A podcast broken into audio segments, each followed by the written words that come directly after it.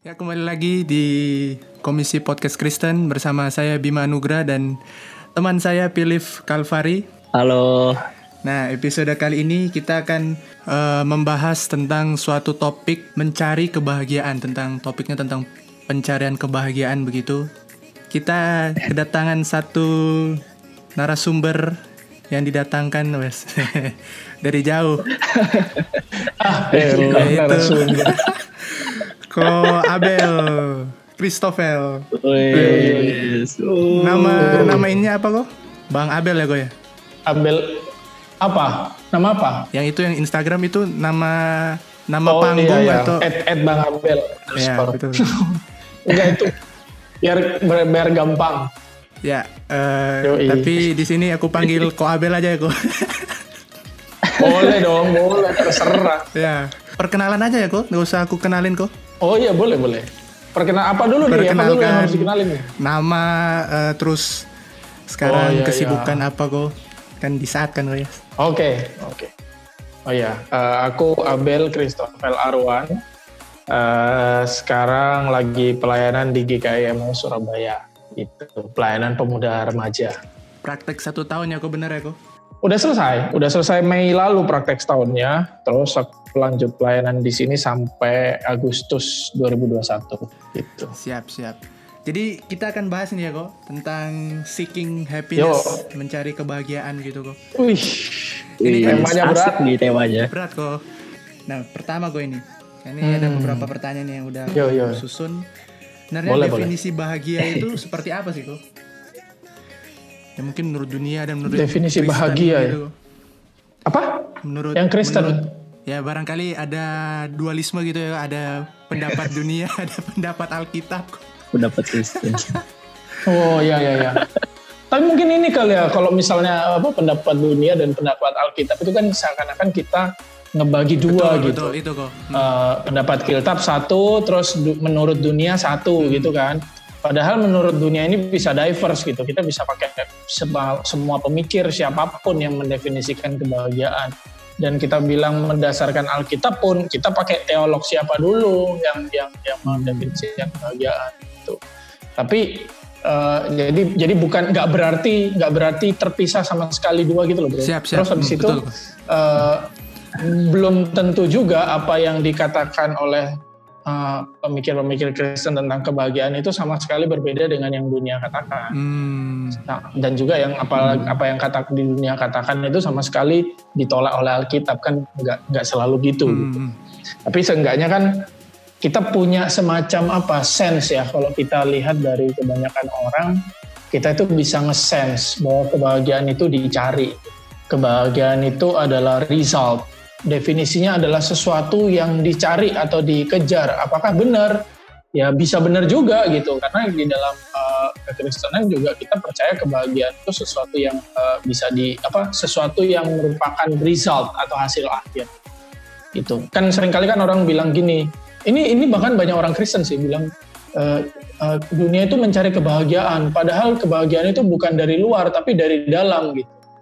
Nah, itu mungkin bagus rohani tapi eh, nggak uh, benar-benar apa ya nggak benar-benar solid di dalam mendefinisikan kebahagiaan itu kayak gimana. Karena pada dasarnya kalau kita orang Kristen pun kebahagiaan pun hasil kok.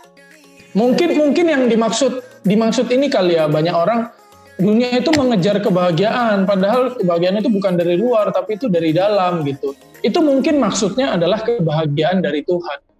Jadi uh, aku suka pakai uh, uh, apa ya mendefinisikan kebahagiaan itu pakai teolog uh, Jurgen Moltmann. Jurgen Moltmann itu dia bilang uh, kalau di dalam Alkitab khususnya di Mazmur misalnya di Perjanjian Lama uh, orang itu bisa dapat joy, dapat sukacita itu karena ha, ini melihat tindakan Allah gitu. Misalnya Mazmur 96 pada waktu Allah menyatakan penghakiman uh, si pemazmur itu bilang, aku menantikan penghakiman itu. Hari penghakiman itu maksudnya hari di mana nanti Tuhan akan datang gitu kan. Kalau konsep orang Yahudi kan ada the day of the Lord. Nah tapi Mazmur itu bilang ketika Allah menyatakan dirinya atau misalnya ketika Allah uh, apa ya datang dengan penghakiman dan kebenarannya, justru itu adalah sebuah sukacita gitu. Nah, berarti kan di sini kan kelihatan kan sukacita atau kebahagiaan itu kan sebuah result dari sesuatu. Dan kita juga gitu kan, kita pengen makan bakso nih, terus kita cari bakso. Begitu baksonya dapat, kita seneng. Tapi kalau baksonya habis, kita nggak seneng. Nah, itu kan hal yang uh, lumrah kan. Uh, bahagia adalah sebuah resultnya. Oh, Masalahnya iya, adalah di apa yang membuat kita dapat sukacita itu itu kan. Oke, oke, oke. Nah, ini semakin jelas nih dengan penjelasan dari Ko Abel menyatakan bahwa sebenarnya bahagia itu ternyata dari luar ya kok bener ya kok dari luar dan hasil dari sesuatu. Iya, dari bu bukan diri, bukan dari diri itu. Kita kan diciptakan tidak dengan kebahagiaan di dalamnya. Yang inherent di dalam diri manusia apa sih? Paling ya kehendak ya kan. Ah, ya lain-lain kita bisa tambah, tapi kan bukan kebahagiaan. Oke. Itu. Uh, sih gitu. Ya, tadi kan Koko sempat bilang itu kalau kebahagiaan tiap orang kan bisa beda-beda gitu. Mm-mm, Apakah itu berarti kebahagiaan ini bersifat relatif jadinya untuk setiap orang? Kalau misalnya kita lihat di dalam Alkitab itu beberapa di Mazmur ya paling paling banyak itu ya itu tadi uh, pemazmur itu merasa bersuka cita karena mengingat tindakan Allah atau melihat tindakan Allah. Tadi orang yang aku sebut Jurgen Moltmann dia bilang gini, kebahagiaan manusia itu diawali oleh apa sih? Diawali oleh tindakan Allah yang juga berbahagia gitu. Jadi Allah itu lagi joyful. Joyful ngapain sih? Joyful melibatkan kita. Gitu. Dari dia yang menyembunyikan wajahnya menjadi menampakkan wajahnya pada kita. Gitu kan?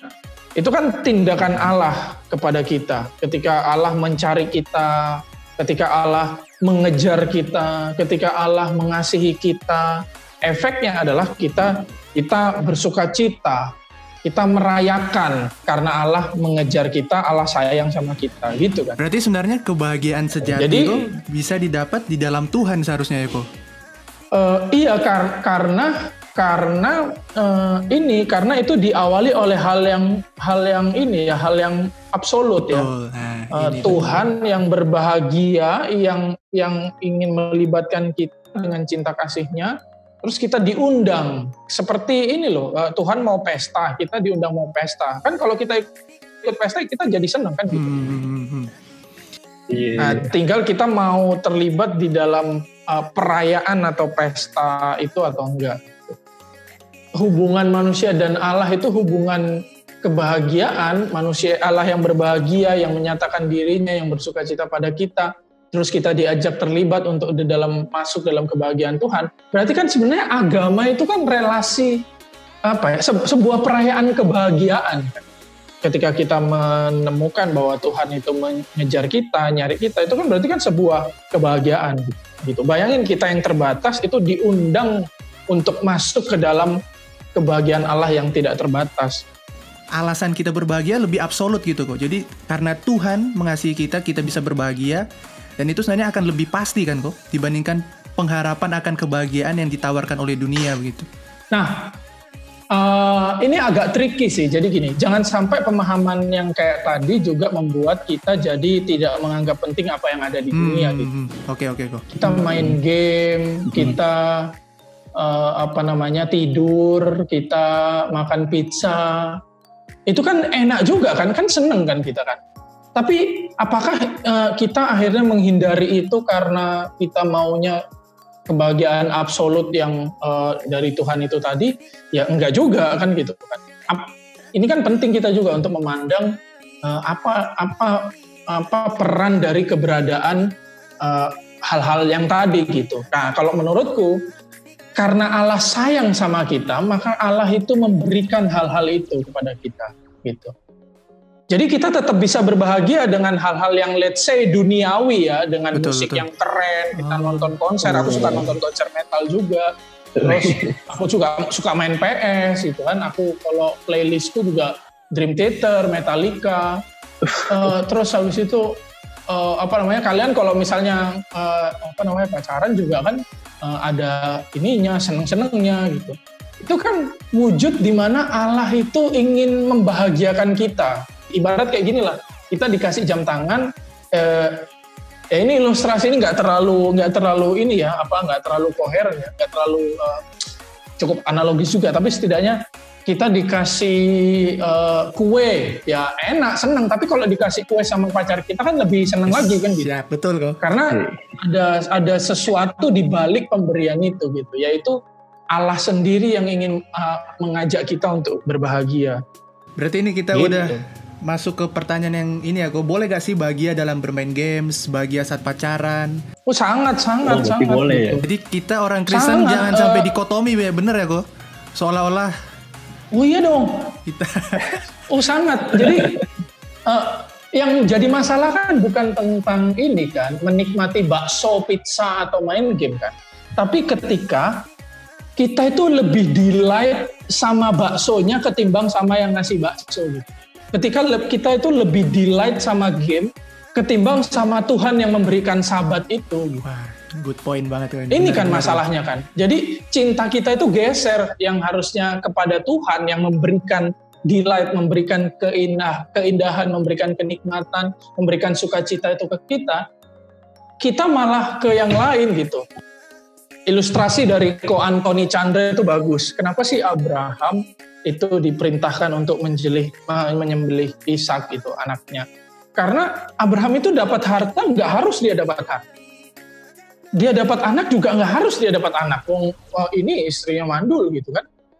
Tapi ketika Tuhan ngasih anak, ya zaman dulu kan anak berkat, anak itu berkat, itu kan wujud Tuhan ini membahagiakan Abraham karena Tuhan sayang sama Abraham. Tuhan cinta sama Abraham dan uh, respons yang diharapkan Tuhan juga Abraham melihat cinta Tuhan itu dan hatinya ke, terarah pada Tuhan. Tapi kan bahaya kalau misalnya Abraham justru lebih cinta kepada anaknya ketimbang kepada Tuhan. Melepas apa yang kita miliki itu kan penting untuk kita menyadari bahwa tanpa itu kita itu tetap bisa berbahagia kan gitu kan.